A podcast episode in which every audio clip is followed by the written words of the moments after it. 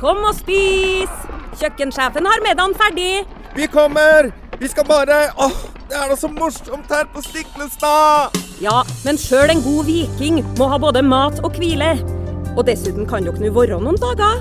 Velkommen til Scandic Stiklestad.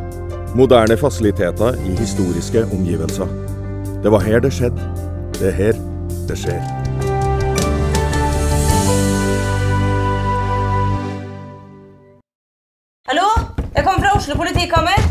Ine Jansen er purk. Er du purk? The motherfucking bitch. Alt jeg vil, er å finne ut hva som skjedde med mannen min. Jon Carew. Er jeg sikta for noe? Iben Akeli. Det er du. Ole So, Lars Berrum og Big Daddy Karsten. Hvem sin side er du på, egentlig? Anette Hoff, Tone Danielsen, Kommer du fra Afrika? Jørnis Josef, Nesten. Kløfta. Trond Espen Seim, Det er synd å si det, men det var feil mann som døde. Purk. Premiere tirsdag på TV2 Play.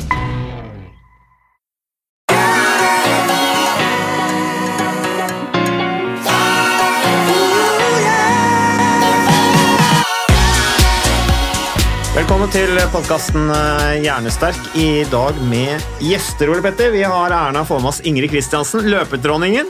Jeg kjenner deg veldig godt, eh, Ingrid, fordi at eh, det var min far som trente deg. Så jeg har jo hengt litt i beina på, på deg og miljøet rundt på en måte løpelandsdag på den tida, og jeg husker treningssamlinger i St. Moritz og alle bragdene du, du, du presterte, bl.a. blant annet på Bislett, jeg husker vi var og så på, hvor du løp kanonfort. og Du har satt dine verdensrekorder, og tidene dine står jo ennå i norsk sammenheng. Um, så hva er du mest stolt over, egentlig? Jeg er vel mest stolt over at det, det rekordene sto så lenge, at det, at det var så bra. For det trodde jeg ikke den gangen jeg satt dem. Jeg trodde at jeg skulle greie å springe fortere året etterpå. Men det greide jeg jo aldri.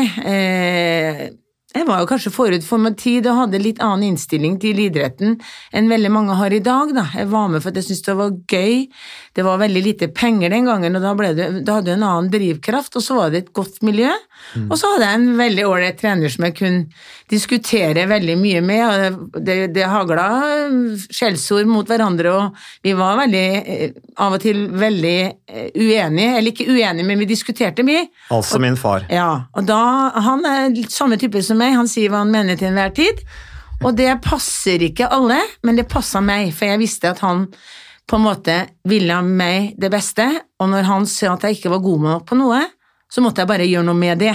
Ikke trene på det jeg var god på, for det gikk jo bra. Sånn at det er noe med å finne de eh, små Etter hvert, da når det ble verdensrekorder, så var det små ting som man skulle rette på, man måtte jobbe med dem. Og det er ikke alltid like morsomt. Nei. Nei. Nei. Det er kjedelig å bli god, som Ja. min far sier. For du må jobbe hardt. Men Petter, du kjenner jo, du er jo selv norgesmester i, i maraton. Jeg trekker det stadig frem. Men jeg har sånn inntrykk av at du gremmes over det fordi at du føler at tidene ikke er gode nok. Men du har jo løpt en del med Du har jo trent med Ingrid sånn, du også? har du ikke Ja, jeg har vel ikke trent med Ingrid, men uh, jeg har jo leflet litt innenfor friidretten, jeg også. Men det er klart, uh, hun har løpt på 2.21,06 og hatt verdensrekord. Du er den eneste kvinnen, eller mann for øvrig, som har hatt verdensrekord på 10 000, me- 5000 meter bane, 10 000 meter bane, 15 km, halvmaraton og maraton på én gang. Jo, jeg har jo det, men, eh, men det kommer vel en annen kenyan, kenyaner som tar det der etter hvert. Men det er klart at eh, jeg var jo en allsidig utøver som var med på veldig mange forskjellige ting. Terreng, gate og, og bane. Så da ble jo trenings, den treningsbiten mer variert og morsom. Gikk på ski om vinteren og sånn. Vi gjorde så mye morsomt, så treninga ble ikke ensidig. Så jeg tror nok det som var årsaken til at det gikk så bra, er altså at jeg var litt avslappa forhold til det jeg holdt på med.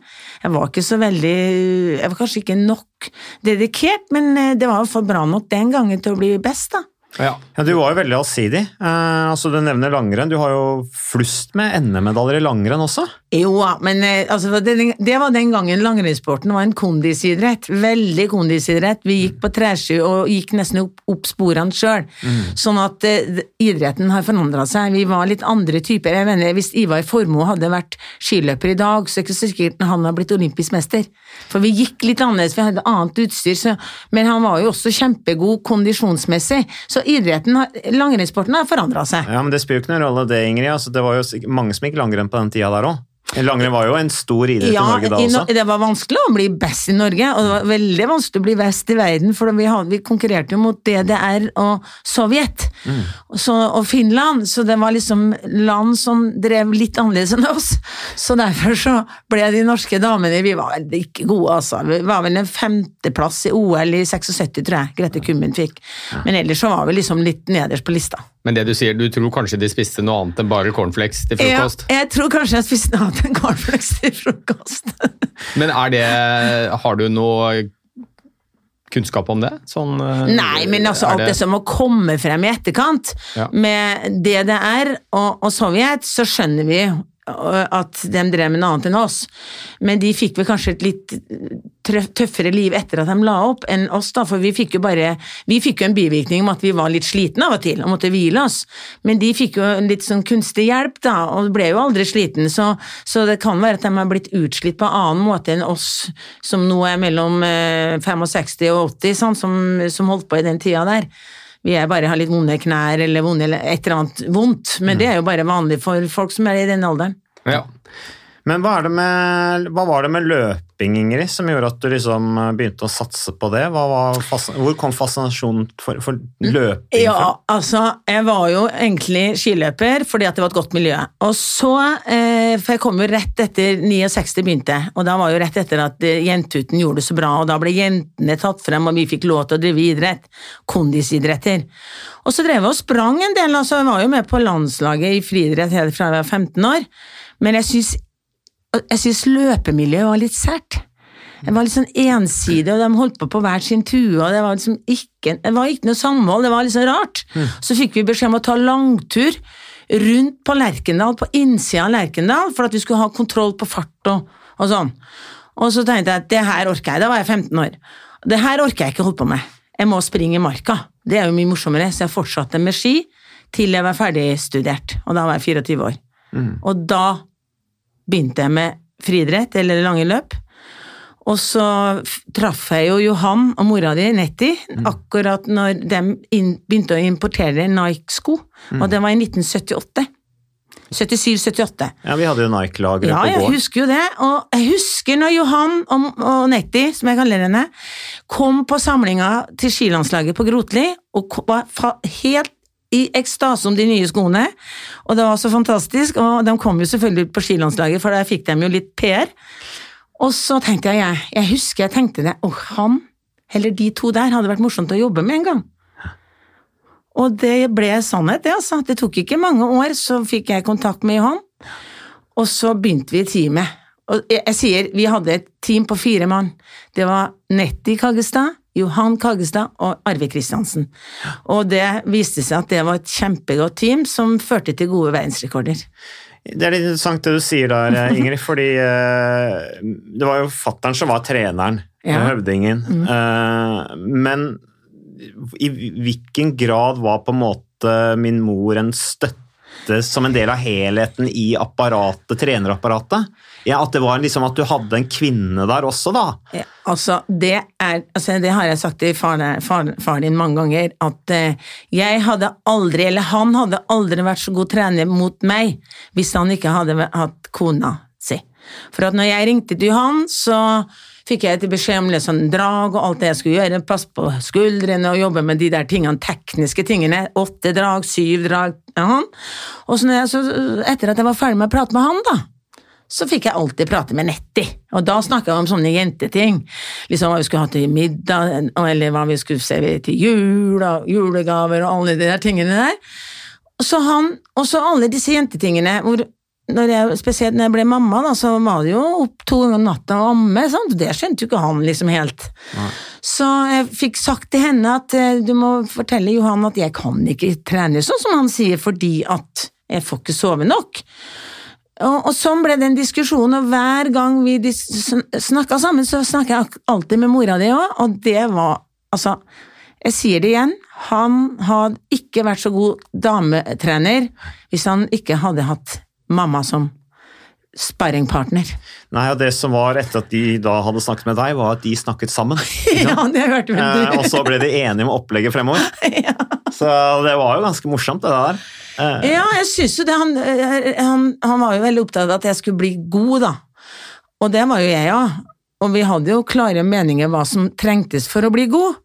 Men når du hadde andre ting enn bare din egen kropp Og jeg hadde en, en sønn da, som jeg ikke hadde noen annen hjelp til, og da måtte jeg jo liksom ta hensyn til hva, hvor mye kroppen min tålte.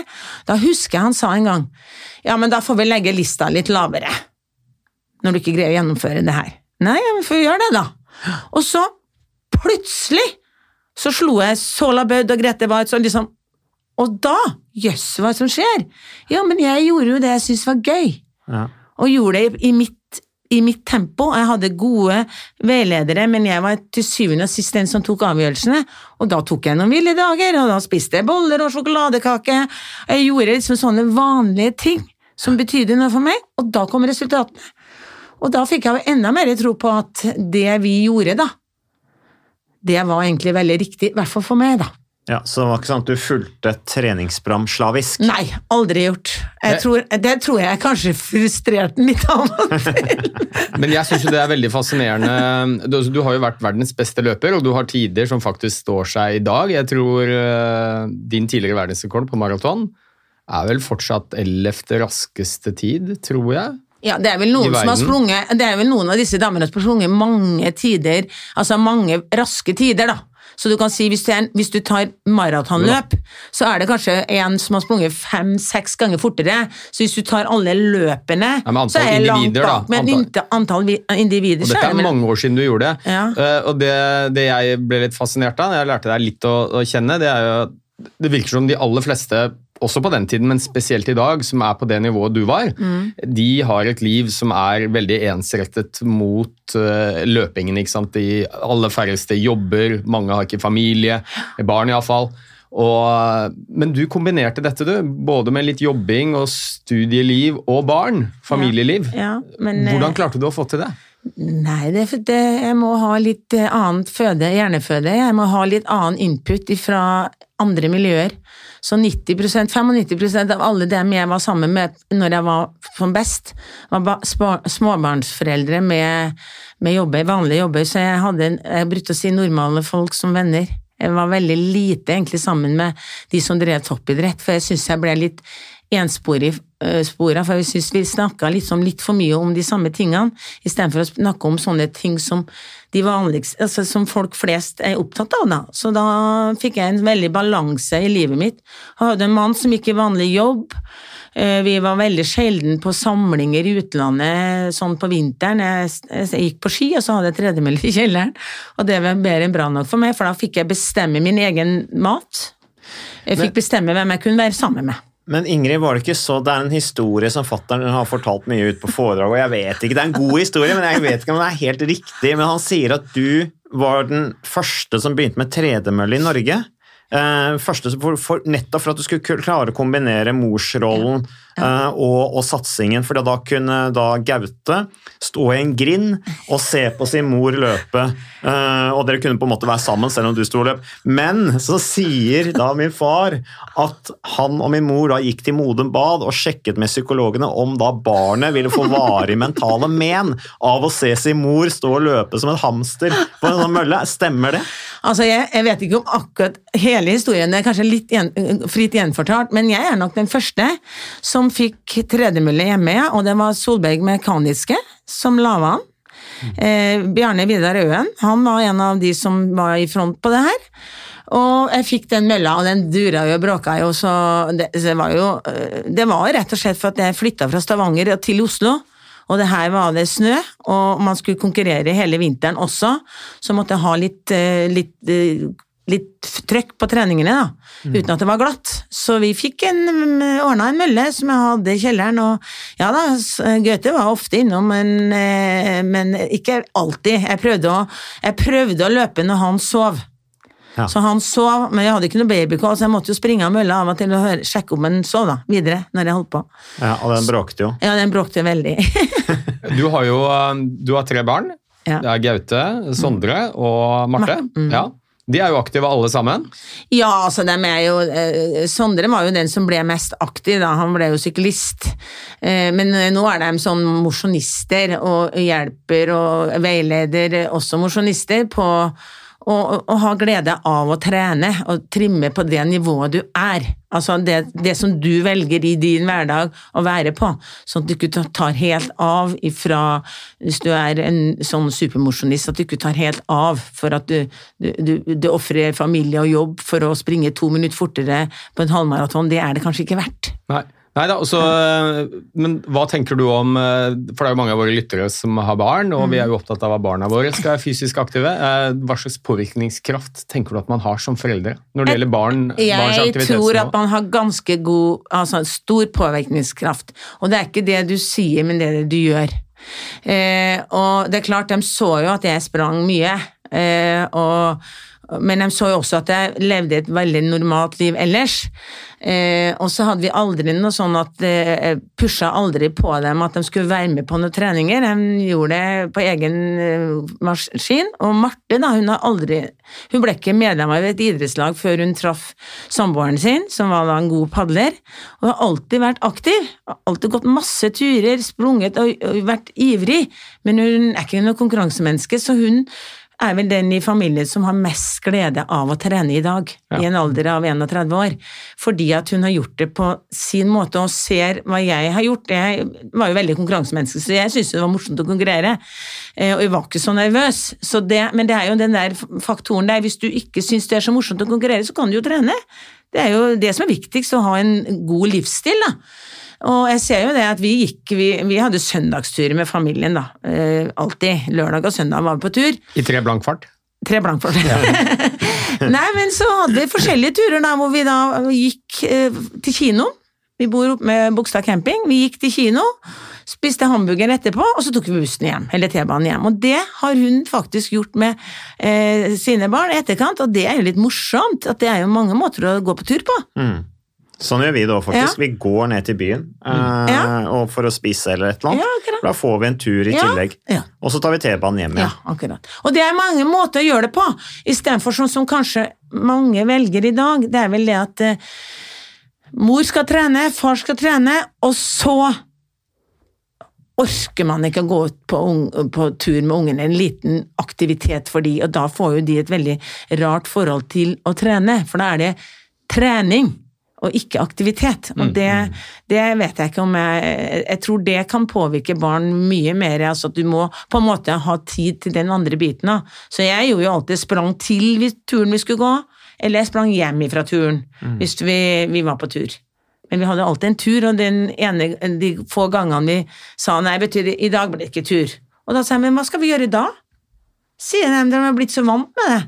Sånn at det blir en, hva skal jeg si, en vane eller en uvane, men jeg tror det er en ganske god vane. Det er en fin måte å være sammen som Ja. familie på, da. Ja, det er Ja, det, og, vet og så er det jo også mulig å, å, å faktisk med små barn, i alle fall, og, og litt eldre også, å koble treningen med å være sammen med barna. Du kan sykle. Ikke sant? altså- Løpevogn. Ja, Jeg har jo en kone som har vært Ja. eh, god til å løpe, og hun har vel flere tusen kilometer med barnevogn. Barna elsket det. det var, hun, hun var ute og fikk trent.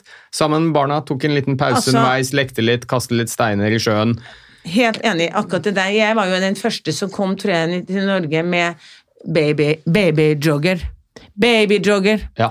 Og det var i 19... Eh, altså Det er 31 år siden, og da var det ingen som torde å komme bort og spørre hvordan det gikk med dette barnet. For de trodde at jeg hadde fått et handikappa barn, for det var ingen som hadde sånne vogner. Nei, Som er ett hjul foran. Ett hjul foran har den enda. Jeg bruker den til barnebarna, og den har jeg jo løpt en del med. Så du kan si det er mye du kan gjøre sammen, og når den blir litt større, og kan sykle Kan de sykle, og så løper du? Ja, akkurat. Det, er klart du får ikke den, gjennom, den gjennomsnittsfarten og alt det der som man er så opptatt av i dag, men, men man får rørt seg, og om du er ute i to timer, altså kanskje 1 time og 45 minutter akt, er, er, er litt sånn action, da, så er jo det bra trening, det, og så får du vært sammen med noen. Så kanskje, når de blir større, disse barna, så vil de ta turen sammen med deg, hvor det går sakte med deg, eller som med meg da nå.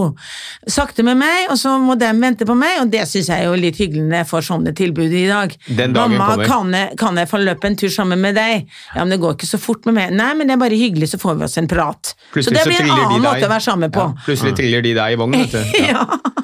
Men eh, Ingrid Marte, jo, datteren din, er jo folkehelseutdannet. Ja, hun har altså faktisk master folkehelse, men hun har litt vanskeligheter for å få seg jobb.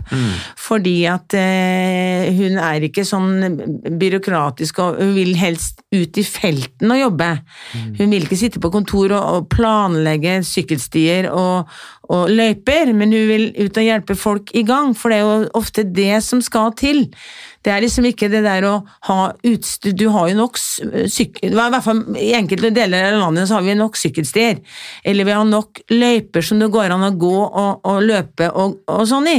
Men det er å få noen til å få dem i gang. Og bruke disse løypene. Og bruke og, eh, disse ja. løypene, som er litt problemet. Og der er det nok ikke eh, bra nok eh, tanke på, på, på det, altså. For det er nok en del som har vanskeligheter for å komme i gang. Og jeg skjønner jo ikke det, for det er jo en del av mitt liv.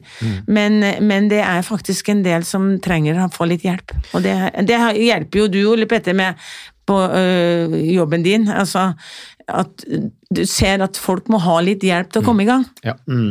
Det er interessant, for fordi at jeg har et spørsmål her fra en lytter. Mm. hvor det er, og det er en som er folkehelseutdanna. Du sier jo her Ingrid, at sant, det er ikke så lett å få jobb. Og Det har vi snakket litt om også, at det er en del mennesker som er folkehelseutdanna i Norge, som på en måte var en del av en plan. Som rett og slett ikke er blitt noe av. Hva, hva vet du om det, Ole Petter?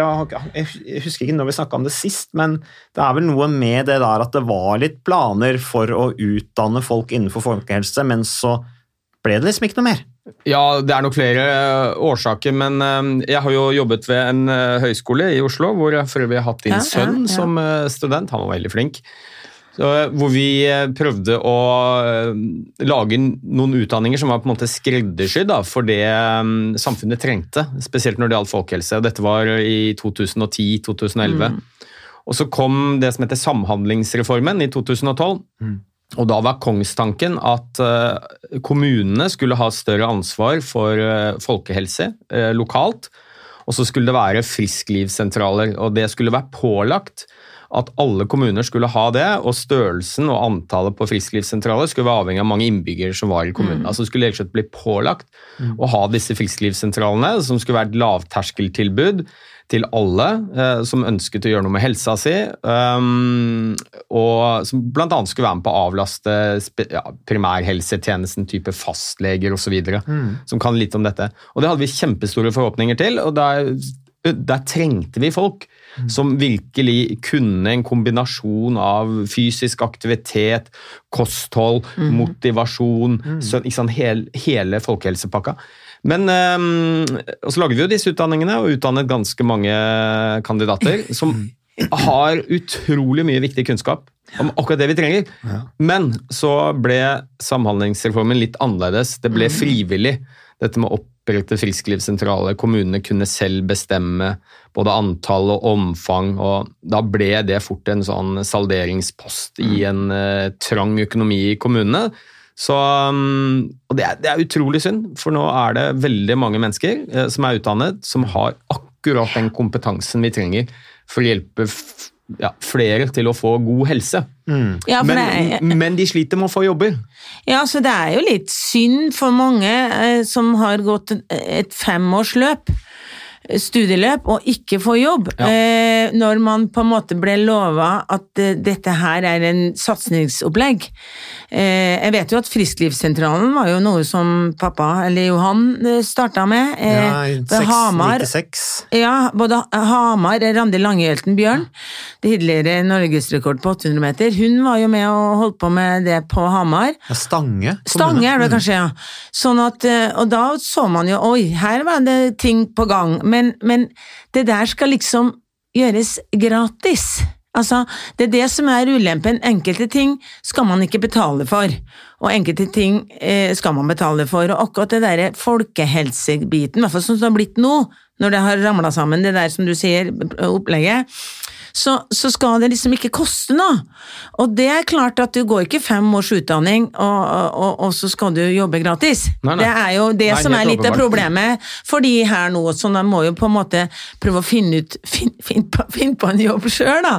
Og det har hun jo til dels greid, eh, men det er liksom litt usikker jobb i, i våre eh, dager å bo i Oslo og ha en sånn jobb som er såpass usikker. Mm. Så nei da, vi får håpe at det ordner seg etter hvert. Jo, men det, men det tenker jeg er et veldig, veldig viktig poeng, for veldig mange av disse som er utdannet med en ordentlig forskningsbasert, kunnskapsbasert utdanning, har masse kompetanse som samfunnet virkelig trenger. Mm. De ender stort sett opp med å, å starte for seg selv, Mm. og det kan jo være fint det, men det er klart dette er jo stort sett unge folk, mange av de litt sånn i etableringsfase, Eh, og det er usikkert og vanskelig å få er ting til å gå rundt økonomisk, så jeg tenker jo det er jo litt ironisk at kaller du deg konsulent, jeg tror vi har nok konsulenter i Norge.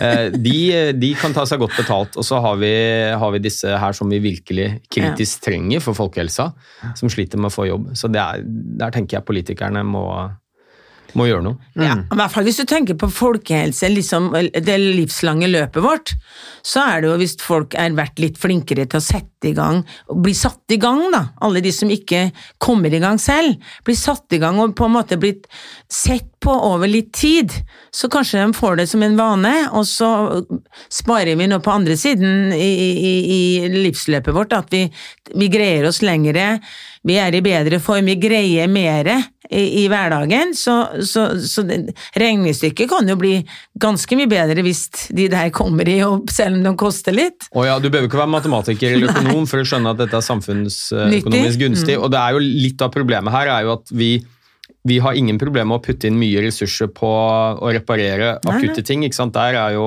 det går Ni av ti helsekroner ikke sant, til helsevesenet går til å reparere. Dette er forebygging. Ja. Og da er jo litt av utfordringen for politikerne at kostnadene kommer nå. Gevinstene de er uendelig mye større, men de kommer ikke med en gang. Ikke sant? Det er folks helse som utvikles over tid, og sykdommer. Så um, ja, her må politikerne trå til og bruke mer ressurser på forebygging. og her er det mange dyktige folk Men det som er, vi trenger. ikke- det er jo ikke bare eh, forebygging heller, Ole Petter. fordi Hvis man setter dette her litt mer i system da, La oss ta Modum Bad som et eksempel, som vi har snakket en del om, hvor jo fysisk trening er en del av behandlingstilbudet. Det er lange køer for å komme inn på Modum Bad. Hva med å starte før oppholdet? Med på en måte forberedelser til oppholdet ved å liksom få litt trening, få litt veiledning i grupper. eh, Det å være f.eks. via teknologi og kanskje møteplasser, sånne ting. Eh, Eller sånn som vi hadde jo Aktiv mot kreft på besøk ikke sant, i podkasten. Og de snakket om der også forberedelsene til kreftbehandlingen. Altså, ja, ikke sant? Prehabilitering. Hvor fysisk trening er en viktig del av det for å, for å tåle den tøffe julinga du skal få når du, når du blir behandla for kreft. Så her, så her er det mulig å sette ting mye mer i system da, ved å bruke de ressursene som er der uten, uten at folk skal være innlagt før de får den hjelpen de trenger. Ja, altså jeg har veldig troa på sånne ting, men det er bare hvilken, på hvilken måte skal man gjøre det? Eh, og samle disse folkene, og, og hvem, gjøre, hvem som skal gjøre det. Og da er jo disse helse, folkehelsegjengen eh, en gjeng som kan gjøre den jobben, men det må liksom settes litt i system, så må det kanskje mulig at man må tenke litt nytt og kreativt. Det er liksom litt nye hoder, altså ikke, ikke oss som er oppe i åra, men noen nytenkende som har lyst til å tenke litt annerledes utenfor boksen. Kanskje dem kan gjøre det. Det er jo, det er jo ofte sånn eh, Nå kommer tilbake til familien Ingebrigtsen, eksempel. Altså, alle lo jo på en måte av Henrik når han begynte å snakke om hva han skulle greie, og han, hvor god han skulle bli. Og liksom, å herlighet, hva han innbiller seg. Eh, jeg syns det er morsomt når jeg hører pappa Ingebrigtsen snakker nå, liksom, hadde ikke vært for Henrik, så hadde ikke vi greid det vi har greid. For han torde å tenke tankene, de store tankene, og, og det der skulle han greie. Han greide det ikke, men broren hans greide det. Så det er teamet som greide det, og det var jo fordi at han torde å tenke helt andre tenk tanker enn vi nordmenn har gjort i løpe, på løpefronten. Vi, vi gjør det på ski, men der har vi jo ikke så veldig mange i verden som konkurrerer mot oss. Men i friidrett, altså 1500 meter for menn, altså det er jo så stor tanke at det er jo ingen Ja, ja. Altså hadde, Vi lo jo alle sammen, men han fikk rett. Mm. Så har vel eh, nå, uten at jeg har noe kjennskap til Jeg har ikke noe kjennskap til familien Ingebrigtsen annet enn det jeg har sett på NRK, hvor vi har sett to runder av den, tror jeg, med, med dattera mi, blant annet. Eh, Men det er vel litt sånn at Henrik som eldstemann har på en måte bana litt veien og eksperimentert med treninga og på en måte eh, vært i forsøkskanin også. Eh, Han har gjort, han har gjort alle feila. Ja. De har gjort alle feila på han, så han har jo, sitter jo med skader og alt, men han har jo det steintøffe hodet sitt, da, mm. som eh, sikkert påvirker hele familien. Sånn at eh, det er jo et prosjekt, familieprosjekt. Det er ikke så sikkert det hadde fungert like bra på fem andre som ikke er i familien, som, som ikke har det tankesettet, som ikke er vokst opp i den familien. Apropos hvordan påvirker vi barna våre? Så de der to foreldrene har sikkert påvirka alle disse barna på en spesiell måte, så de har jo en, en, en spesiell måte å tenke og gjøre ting på. Som er bare unikt, vil jeg påstå. Ja, det er jo banebrytende. De inspirerer jo noe voldsomt, ja. så det, det er det ingen tvil om. Eh, Så all ære til det for det. Men eh, bare litt tilbake til ditt folkehelseengasjement. Jeg snakker med Marte, som er folkehelseutdannet, datteren din. Men du også har jo på en måte gått fra toppidretten og engasjert deg i folkehelse gjennom å hjelpe andre. Du har jo disse gruppene, dere hadde disse stavene, ikke sant, som dere selger ennå, vil jeg tro. Ja, nei, altså Stavene selger jeg ikke lenger, men altså, når jeg la opp Ukas annonsør det er HelloFresh. Og eh, hvis du nå går inn på hellofresh.no og bruker koden FRESH hjerne, så kan du få opptil 1779 kroner rabatt på da de fem første matkassene dine, hvis du ikke har prøvd Hello Fresh enda. Og Ole Petter, vi er jo glad i Hello Fresh i podkasten Hjernesterk, eh, selvfølgelig fordi at de er en annonsør. De er med og bidrar til å spre det glade ordet om fysisk aktivitet og god helse. Men i tillegg så har jo vi også nå lang erfaring med Hello Fresh eh, selv.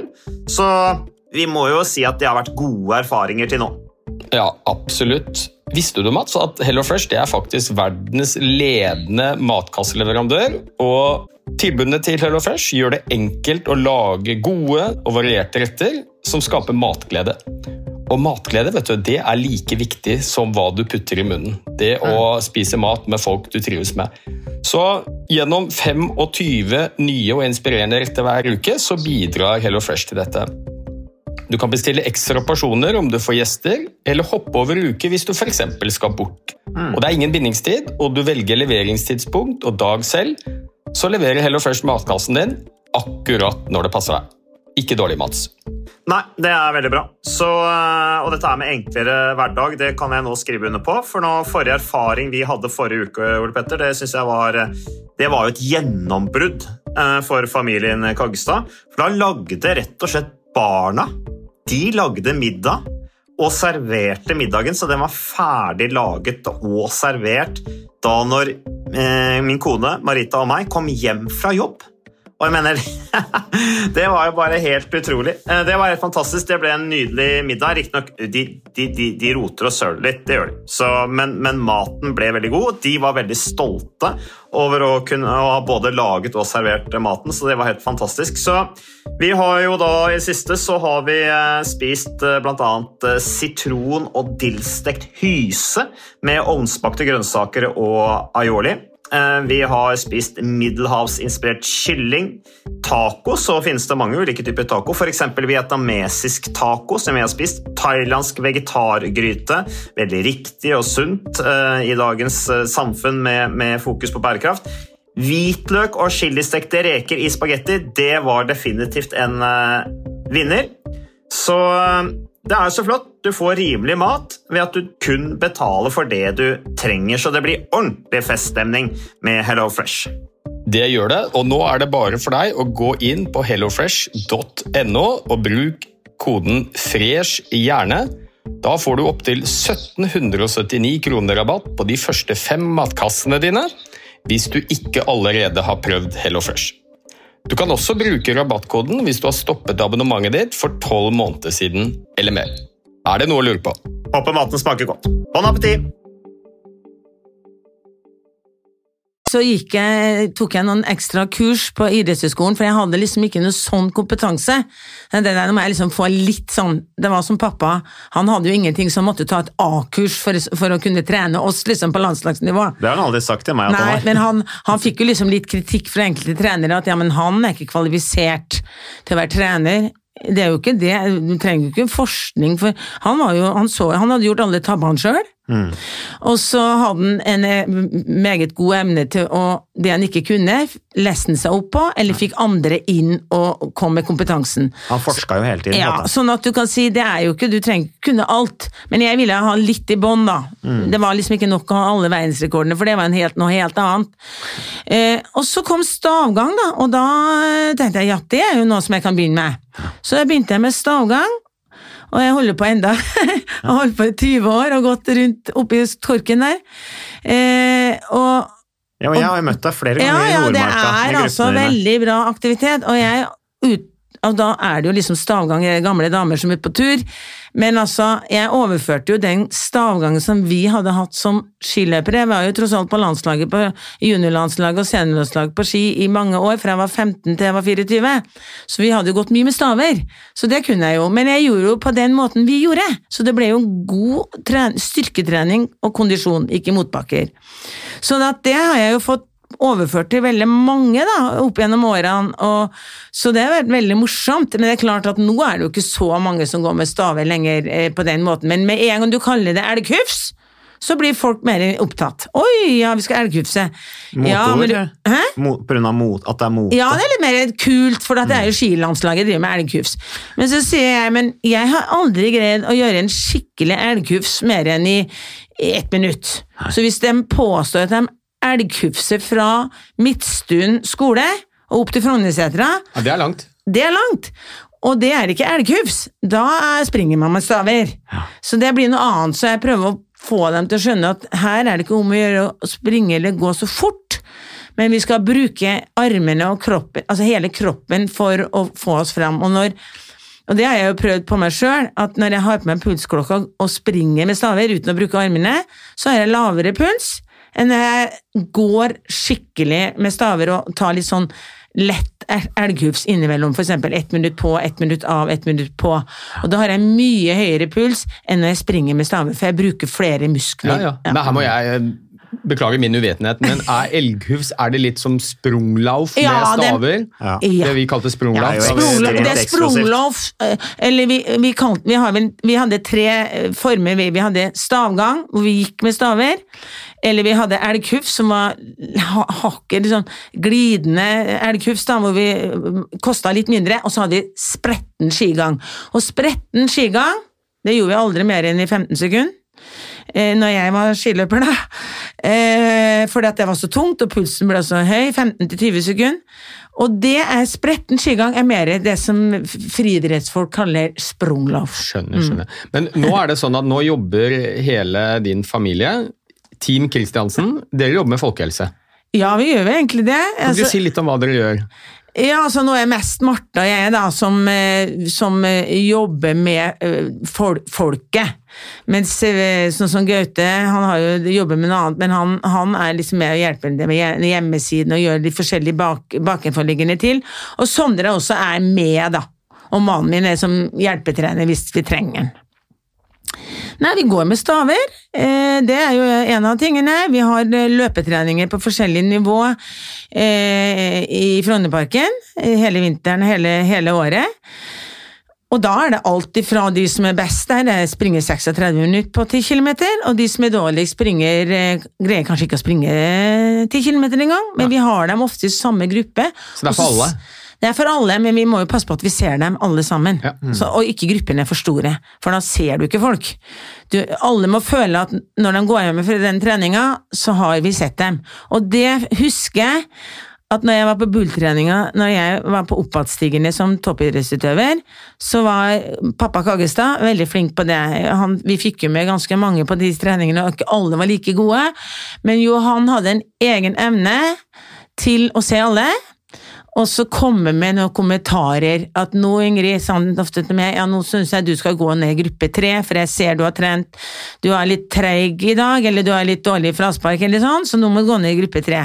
Og så hadde jeg med meg en venninne som var bare mosjonist, og når hun kom på den treningen, så kom han med par, noen hyggelige ord, og så sier jeg ja, det er bedre enn forrige gang, og da løftes dem. Altså, det er ikke så mye du trenger å Og er akkurat det eh, prøve å, å, det prøver vi i Team Kristiansen å være veldig nøye på at vi ser spesielt også de som omtrent ikke greier å gjennomføre treninga. Så det er litt viktig. Det er kanskje der gevinsten er størst, ved, Ja. ved å se dem også. Det å se dem, og så, har jeg jo jeg, eller både Marte og jeg, vi har jo et eh, Vi, vi tester jo folk og gir eh, treningsprogrammer og både på nett og, og, og personlig hjemme hos oss, eller jeg har jo et studio i kjelleren, som eh, vi har veldig mye forskjellige kunder som kommer. Fra hele landet, faktisk. Kunder fra Kirkenes, Bergen, Stavanger, Ålesund. Altså overalt kommer de. Men de kommer langvis fra for å få hjelp, og det syns jeg er jo litt morsomt, da. Men det som er gjennomgangsmelodien for de aller fleste, det her er jo liksom litt, kommet litt lenger enn de der som, er, som ikke eh, har sprunget noe sammenhengende langt, det er at de aller fleste trener for hardt i forhold til det nivået de er med på. Altså det er gjennomgangsmelodien. Ja. Men dette er bra folkehelsearbeid i praksis. Ja, da kan du si vi når, ikke så, vi når ikke så mange, men jeg passer på at jeg ikke har for mange. Jeg har kanskje faste kunder som jeg følger opp i, i, daglig, da, på en måte på Garmin Connect. Jeg bruker Garmin Connect, eh, og de får jo tilbakemelding på all trening de gjør der. Og, og jeg greier ikke å håndtere mer enn en 40 stykker. Det, da har jeg maks altså Som jeg følger opp fast hver eneste dag. Det er 40 stykker. Så hver kveld så sitter jeg gjennom Og det er mye, mange som får kjeft, altså, på Garmin Connect. Men du har jo, nå har, du har jo gått fra å være verdensener, og med fokus på å prestere, selvfølgelig. Hva betyr treningen for deg i dag? Den betyr egentlig det samme som den gjorde den gangen. Jeg har glede av å trene. Eh, Jeg blir ikke bedre i dag, men jeg merker at eh, hvis jeg ikke får kommet meg ut Jeg bør ikke trene, men jeg må i hvert fall gå meg en rask tur, eller være ute og bevege kroppen litt. Så blir jeg mye gladere, jeg blir mye mer effektiv i alt det andre jeg gjør. Så det, en, det er blitt en livsstil, det har jeg nesten alltid hatt. Den har ikke forandra seg, men målene er jo litt annerledes da nå. Eh, Jeg hadde jo to mål som jeg aldri oppnådde. Jeg skulle jo springe under 22 på maraton og under 30 minutter på 10 km. Det greide jeg aldri, og de lappene som de, de tidene står på, som jeg hadde på foran meg når jeg sprang på tredemølla, dem ligger i skuffa ennå, altså. Så det var jo alltid Jeg tenker så søren til at jeg ikke greide det, men det gjorde jeg ikke. Men nå er det andre mål. Nå er det liksom mål om å kunne greie og, og Vi har noen sånne faste sykkelturer, faste roturer på hytta, padleturer, som vi prøver å gjennomføre hvert år. Jeg vet ikke om jeg greier å ro til Kragerø noe mer, men det har vi gjort hvert år i de siste 20 åra. Så det, det er sånne mål, mål som vi har, da. Alt går saktere. Det kjenner jeg til. Men uh, sånn er det jo, men uh, sånn blir det jo med alderen, men man holder seg jo i form. Men uh, du, du snakka om til alle, alle, alle nivåer, men hva slags alder, for vi har snakket litt om trening for eldre blant annet, og hva Ja. slags aldersspenn er det på de du trener? Ja, altså aldersspennet er faktisk fra 13 år. Ja. Og i går hadde jeg en kunde som var 88, og det var en fantastisk opplevelse. Utrolig type. Som når jeg fikk den henvendelsen, trodde jeg bare det var noe som fleipa med meg, rett og slett. At jeg trodde det var noen som bare skulle sjekke om jeg tok det på alvor, eller sånt. Og det svarte jo som jeg gjør med alle som tar kontakt, litt seriøst, og sa ja, ja, men sånn og sånn tidspunkt kan jeg. Og her kom det altså en spretten jeg vil si ungdommelig 88-åring som skulle ha hjelp, for han drev med tennis og skulle ha litt hjelp til hvordan han skulle trene for å bli, i hvert fall ikke bli dårligere. og Det syns jeg var veldig morsomt. Så det er spennende, men de aller fleste er det er, virker som at det er mange som kommer liksom i en sånn 40-årskrise. At det, det er liksom 39, par og 40, veldig mange. Det Jeg er 44 nå. Ja, Snart ringer jeg òg. Har du noe jeg tenker, Det er jo mange av våre lyttere som sier det at de, de vet selvfølgelig at det er viktig å få trent, og det er bra for helsa, men eh, sliter litt med dørstokkmila av og til. Mm. Har du noen sånne gode tips til folk flest? Eh, Motivasjonstips for å klare Altså, å komme seg i gang? Ja, det, altså, det er jo det der å aldri ta Altså, du må Hvis du, hvis du blir for hekta på en runde, og skal eksempel ta tida på runden en gang, eller ha en fast runde som du skal gjennom, det, det har ikke jeg noe tro på, i hvert fall ikke når du ikke har kommet i gang skikkelig. Da må du bare være glad du kommer deg ut, eller nede i kjelleren, eller hvor du spørs jo, men nå snakker jeg mest om sånn kondisgreier, sykle, gå, gå på ski, eh, løpe, for eh, det er ofte der dørstokkmila er kanskje tøffest, da. For, eh, så så du, du angrer aldri på en tur. Altså, er du sliten etter en jobb, at du kommer hjem fra jobb, du har kanskje lagt noen unger, eh, og så har du mest lyst til å bare sette deg ned i godstolen og så sette på Netflix eller et eller annet annet. Hvis du da greier å bare ta på deg skoene og gå ut, og gå de første Gå ti minutter, da! Bare ti minutter, gå av gårde i ti minutter. Så, og du, og du ikke orker mer, da, så må du ti minutter tilbake igjen. Da har du 20 minutter. Da har du kommet i gang. Og så hvis du gjør det der, og, der og så merker du etter hvert, hvis du ikke er litt unormal, så merker du at du får at du, du føler deg bedre. Du sover kanskje bedre òg, når du har fått rørt deg litt.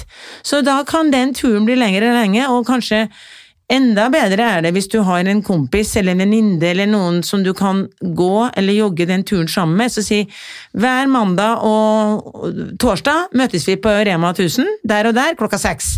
For da er det litt mer forpliktende. Det er ikke noe, du bør ikke gå på noe felles trening, men det er liksom én person eller to personer som blir litt mer forpliktende, da er det lettere å komme seg ut. Ja, det er sånne triks som jeg prøver å fortelle sånne som skal komme i gang, da. Og alle minutter du gjør noe med, altså har du et femminutt her og der, så er jo det bedre enn ingenting. Sniktrening. Ja, Sniktrening. Fem minutt her og et femminutt der. Alt er bedre. Gå i trapper, da. Jeg har jo faktisk en som, eh, som er trener som had, eh, var, bor på en øy og dårlig vær og stiv kuling og regn ja, oppe i Nord-Norge. Og han sprang rundt i huset, han. Opp og ned trapper og rundt, og han holdt på i 40 minutter. Da skal du være ganske motivert for å greie det. Det gjorde Ole Einar Bjørndalen på hotellrom også. Ja, altså, ja, men han var jo verdens beste skiskytter. Men, men her er det en vanlig mosjonist på 60 år, altså, som, som springer rundt i huset for det er så dårlig vær. Det er jo liksom nesten ekstremt enn andre, men, men altså, han har funnet ut at det må han gjøre for å, å liksom kunne sette seg ned og ha og gjøre de tingene som en gjerne vil gjøre resten av dagen. For du får jo en ekstra motivasjon og gnist når du har rørt deg litt. I hvert fall får jeg det. Og, og de, jeg har en del sånne litt kunstnerspirer som går på stavgang og også på løping hos meg, og de sier at jeg blir mer kreativ etter en stavgangstur. Fordi at du, øh, du krysser midtlinja og, og får litt mer kreativitet, og det vet jeg jo at dere har snakket om her på den podkasten før, angående barn som løper i skolegården, øh, gjør ting med kroppen.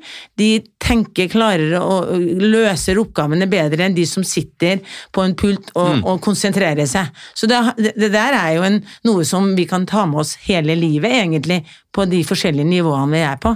Men det er litt interessant, bare unnskyld, men når du tar med da disse kunstnerspirene som du snakker om, Ja. eh, men du tar det jo gjerne ut i Nordmarka også, i fantastisk inspirerende omgivelser Ja. som kanskje gir litt andre perspektiver, som de kanskje, kanskje ikke ville fått da, hvis de hadde hengt rundt i sine vanlige uh, omgivelser. Uh, så det har jo også litt å si, kombinasjonen fysisk aktivitet, åpen, flott, stor natur og grupper hvor man snakker med andre mennesker, for det er, dere er jo grupper på forskjellige mennesker. Ja da, det er klart en sånn gruppe har jo mye å si, men, men, men, eh, men det er faktisk en av de kundene jeg har som eh, når hun ikke er på det gruppa mi, så er hun ute og går.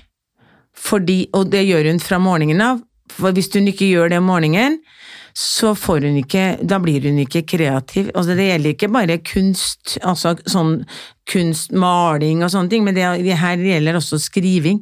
Altså, de får en litt sånn annen fokus, uh, bare ved å gjøre litt fysisk aktiv. Om det er endorfiner som blir produsert, eller hva, hva det kommer av, det har ikke jeg kunnskap til, men jeg føler akkurat det samme, at du verden så mye mer oppfinnsom og mye fli- bedre man blir til det meste, hvis man har gjort noe sånn fysisk.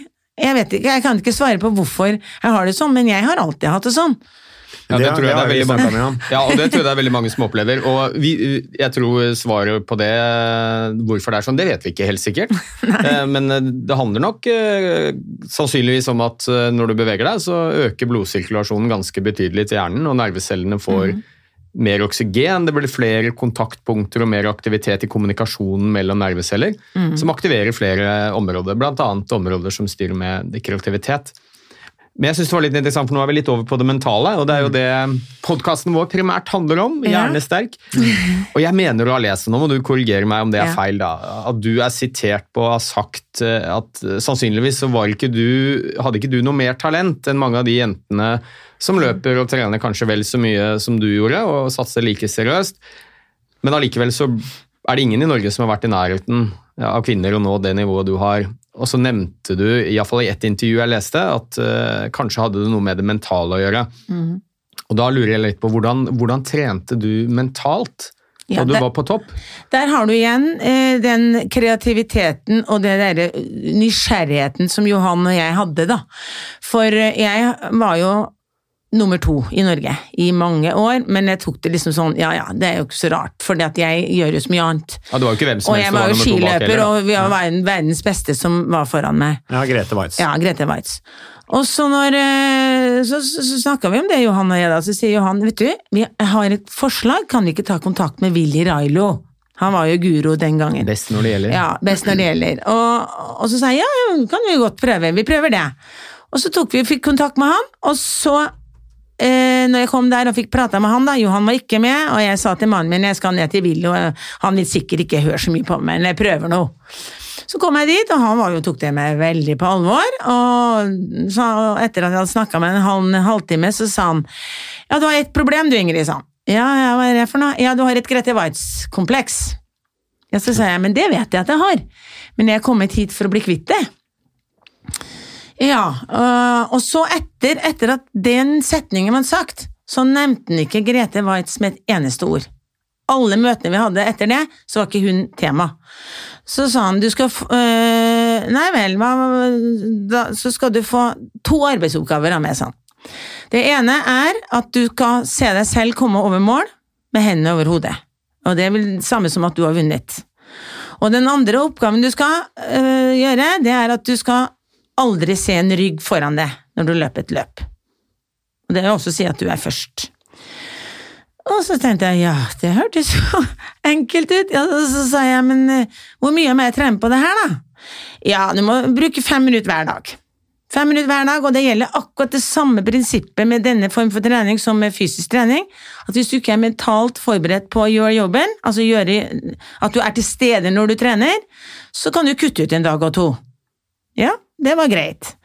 Og så var jeg selvfølgelig, som toppidrettsutøver som jeg var, så spurte jeg jo da, veldig utålmodig type, så spurte jeg ja, hvor, langt, hvor lenge må jeg holde på med det for jeg merker noe resultat?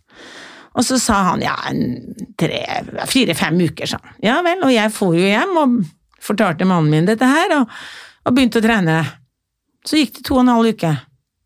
Så var det NM i terrengløpet og Hønefoss, vi bodde på Kaggestad. Det var den dagen stabburet på Kaggestad brant ned. Oi. Jeg var den eneste som var igjen, for øvrig. ja. ikke det var ikke du som tente på? Ja, ja. Og da vant jeg det løpet! Jeg skjønte jo ingenting, og jeg tror ikke Grete skjønte noe heller. Og så tenkte jeg ja, dette må jeg jo bare fortsette med.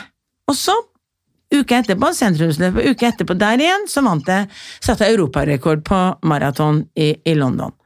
Og da tenkte jeg dette er jo alfa og omega.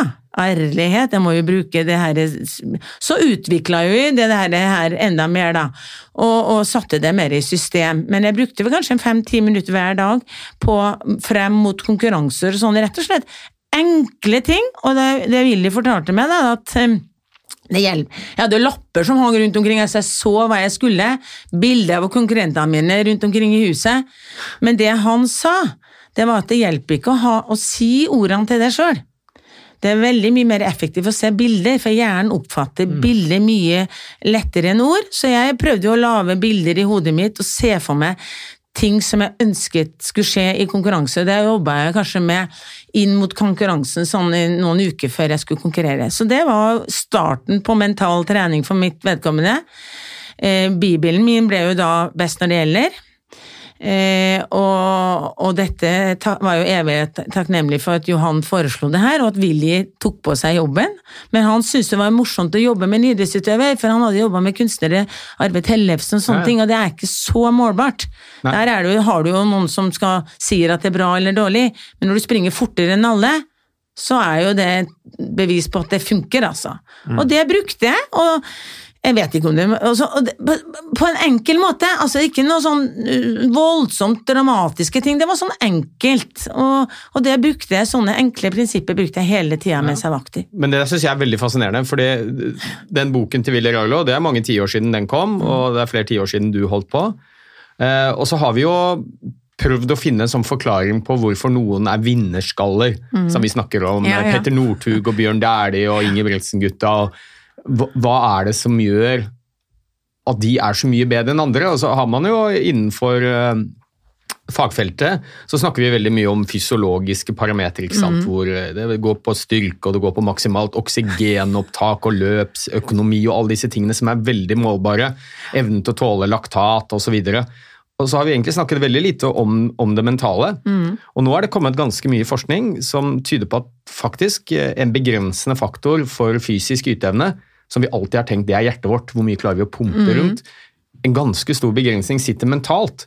Ja. Eh, For det er jo hjernen din som forteller deg når du eh, løper NM i terrengløp og, og du begynner å bli ordentlig sliten og kanskje syns litt synd på deg selv og slakker litt på farten, eh, så er det ikke fysiologisk nødvendig. Altså Det er hjernen din som forteller deg at nå skal du slakke av. Og det er ting du kan trene. Man har f.eks. gjort forsøk hvor man har lammet måte, de hjerneområdene som er med på å fortelle at nå skal du senke litt på farten. Og da ser vi at folk kan fortsette å løpe fort. Ja. Og selv om de, de Utslitt. Ja, ja, ja. Så um, jeg tror det er litt sånn un undervurdert komponent av uh, treningen, den mentale biten. Ja, det er jo det jeg prøver å si til de eh, utøverne som jeg jobber med, da. Eh, som er liksom under norske nivå, altså de er liksom nest best i Norge nå. Så sier jeg, men det, dere har laga en blokk... Jeg sier nesten blokkering, jeg nå. At eh, i 1995, nei 94 ble Norge nummer to i VM på halvmaraton for lag. Da var det tre jenter som sprang på 1,10 på halvmaraton. Og da var Grete ikke med, og ikke jeg. De sprang på 1,10. Og i dag så er det fantastisk hvis du springer, på 1,13. Og hvis du springer på 1,13 blank, så er det jo helt i himmelen, sant? Da er det så fantastisk. Men nå må vi flytte de grensene dere har i huet. Og så si ja, men hvorfor kan ikke dere springe på 1,10? Ja, men vi må sånn og sånn. Ja, men dere må ingenting. Det måtte de som holdt på før òg, og det måtte jeg òg. Men du må på en måte, dere vi må hjernevaske dere på en positiv måte til å tro at dere kan greie det.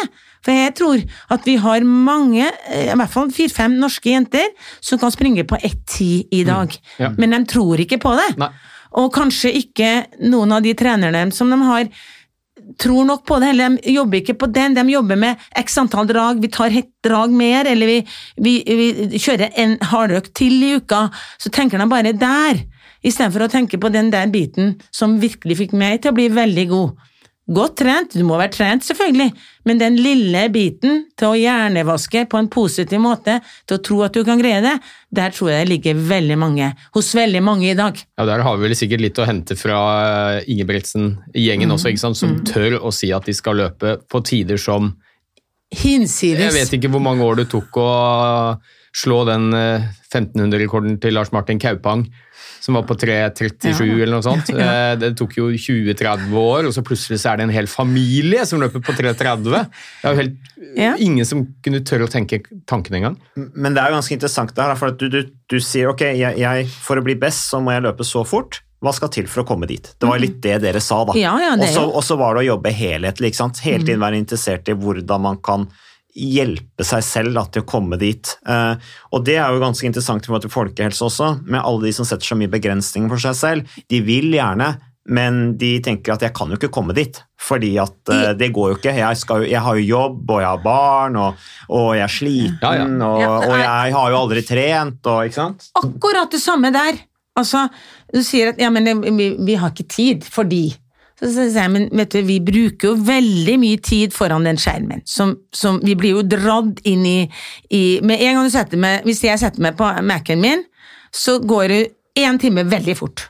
Og når jeg er ferdig med den timen, det er ikke alltid det verste produktet jeg har gjort. Hvis, jeg, hvis du da tenker sånn så at kanskje jeg skal bruke litt mindre tid der, eller hvis jeg snakker med noen i telefonen, da, så kan jeg kanskje møte det vedkommende, og så kan vi gå oss en tur. Eller du er på fotballtrening, eller er på en, en trening bar med barna dine, og jeg vet at trenere helst ikke vil at foreldre skal være for med, for at altså stå Kamper er noe annet, men når de er på trening, så kan, hvis du ikke er hjelpetrener, så er det nesten bedre for disse trenerne at du er borte. Mm. For, for jeg har vært sånn trener selv, og syntes det var pyton når foreldrene sto der og, og liksom mm, engasjerte seg, men det var ungene oppførte seg jo helt annerledes når mor og far var der. Ja. Så, så eh, da kunne de løpt seg en tur, gått seg en tur, eller noe, men da skal de enten på en sånn møte på telefon, eller skal du handle. Så, så, så det er noe med å finne noen rom for å komme i gang. Og det, det, det, det er nok vanskelig for de som da ikke må, tenke sånn, men jeg har alltid tenkt sånn, at hvis jeg greier å få til et ekstra fem minutter, så er jeg veldig fornøyd. Ja, og jeg, og jeg tror veldig det der den mentale trening, akkurat samme prinsipp om du er eliteutøver. Hvis du tenker at 1.13 eller 1.10 er det forteste jeg kan løpe på halvmaraton, så kommer du sannsynligvis aldri til å løpe noe fortere enn det, uansett hva du gjør. Eh, Og Sånn er det jo for folk flest også. Hvis du tenker at nei, jeg har ikke tid, jeg er ikke god nok form, dette klarer ikke jeg å få til, så blir det en selvoppfyllende profesi. Ja, du, må, du må på en måte sette ned, det. det prøver jeg å fortelle de som kommer til meg da, for å få råd, er at du må si, finne ut nå-situasjonen din. Hvor er du nå? Hvordan er jobben din? Hvordan er familiesituasjonen din? Er dere liksom på en måte enige i dette her? Du har tenkt å springe maraton om, eller halvmaraton om et halvt år. Vet kona di det, eller ungene dine, er dere liksom på nett? Det er greit å fortelle alle hva du har tenkt. Eh, og så må du begynne der du er, hva du har tid til. Og, og det er utrolig hva man får tid til hvis man har mål.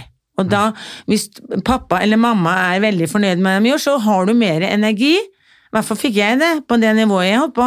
Mer energi til å være sammen med gjengen. For jeg, måtte, jeg har aldri sovet midt på dagen i, i min aktive periode. Aldri sovet noen gang midt på dagen.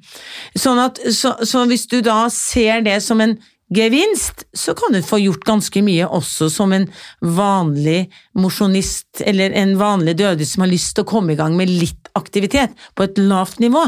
For hvis du må begynne der du er, du må ikke begynne der vennen din er. Nei. For han ligger kanskje, eller hun ligger kanskje ett og et halvt år foran deg, og da hopper du av ganske fort. For da blir det for slitsomt, det blir for mye. Ja, og jeg, jeg snakker jo veldig mye om det at uh, uansett hvilket nivå du er på, så er det veldig fint å ha et mål, og gjerne et litt sånn hårete Å, mål. ja. Tørre å tenke at jeg skal gå fra sofakroken til kanskje å, bevege meg fem-seks ganger i uka. Men før du går fra A til Å, Så må du med ja. så må du via B og C. Og det at du bitte små steg, så har du det store målet langt foran deg. Så bygger du stein på stein. Så du, og, og, du, og de delmålene kan nesten ikke være for små. Altså Det kan være bitte små ting. Starte med å gå til postkassa for noen, ikke sant? så til butikken. Og så få seg en halvtimestur, kanskje. Ja. Mm, ja, men Dette her var veldig hyggelig, Ingrid. Eh, Men tida går. Eh, Vi kunne sikkert holdt på sikkert en time til. Eh, Men uansett veldig interessant å, å få disse ulike perspektivene dine fra å være verdens beste løper til liksom å hjelpe 88-åringer som er interessert på hvordan de kan utvikle seg. og i det hele tatt. Eh, Så tusen takk for at du eh, ble med på podkasten Jernsterk, Ingrid Kristiansen. Tusen takk for at du kom med. Jo. Det er morsomt. Takk til deg, Ole Petter. Du, glede å få ha så fine gjester i studio. Det er det. Og takk til deg som eh, lyttet. Og så er vi tilbake igjen neste uke. Takk for nå.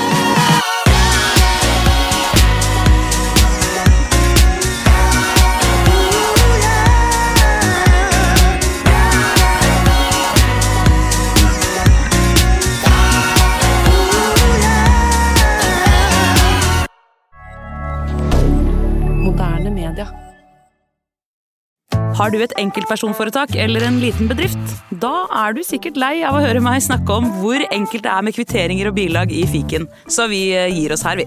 Fordi vi liker enkelt. Fiken superenkelt regnskap.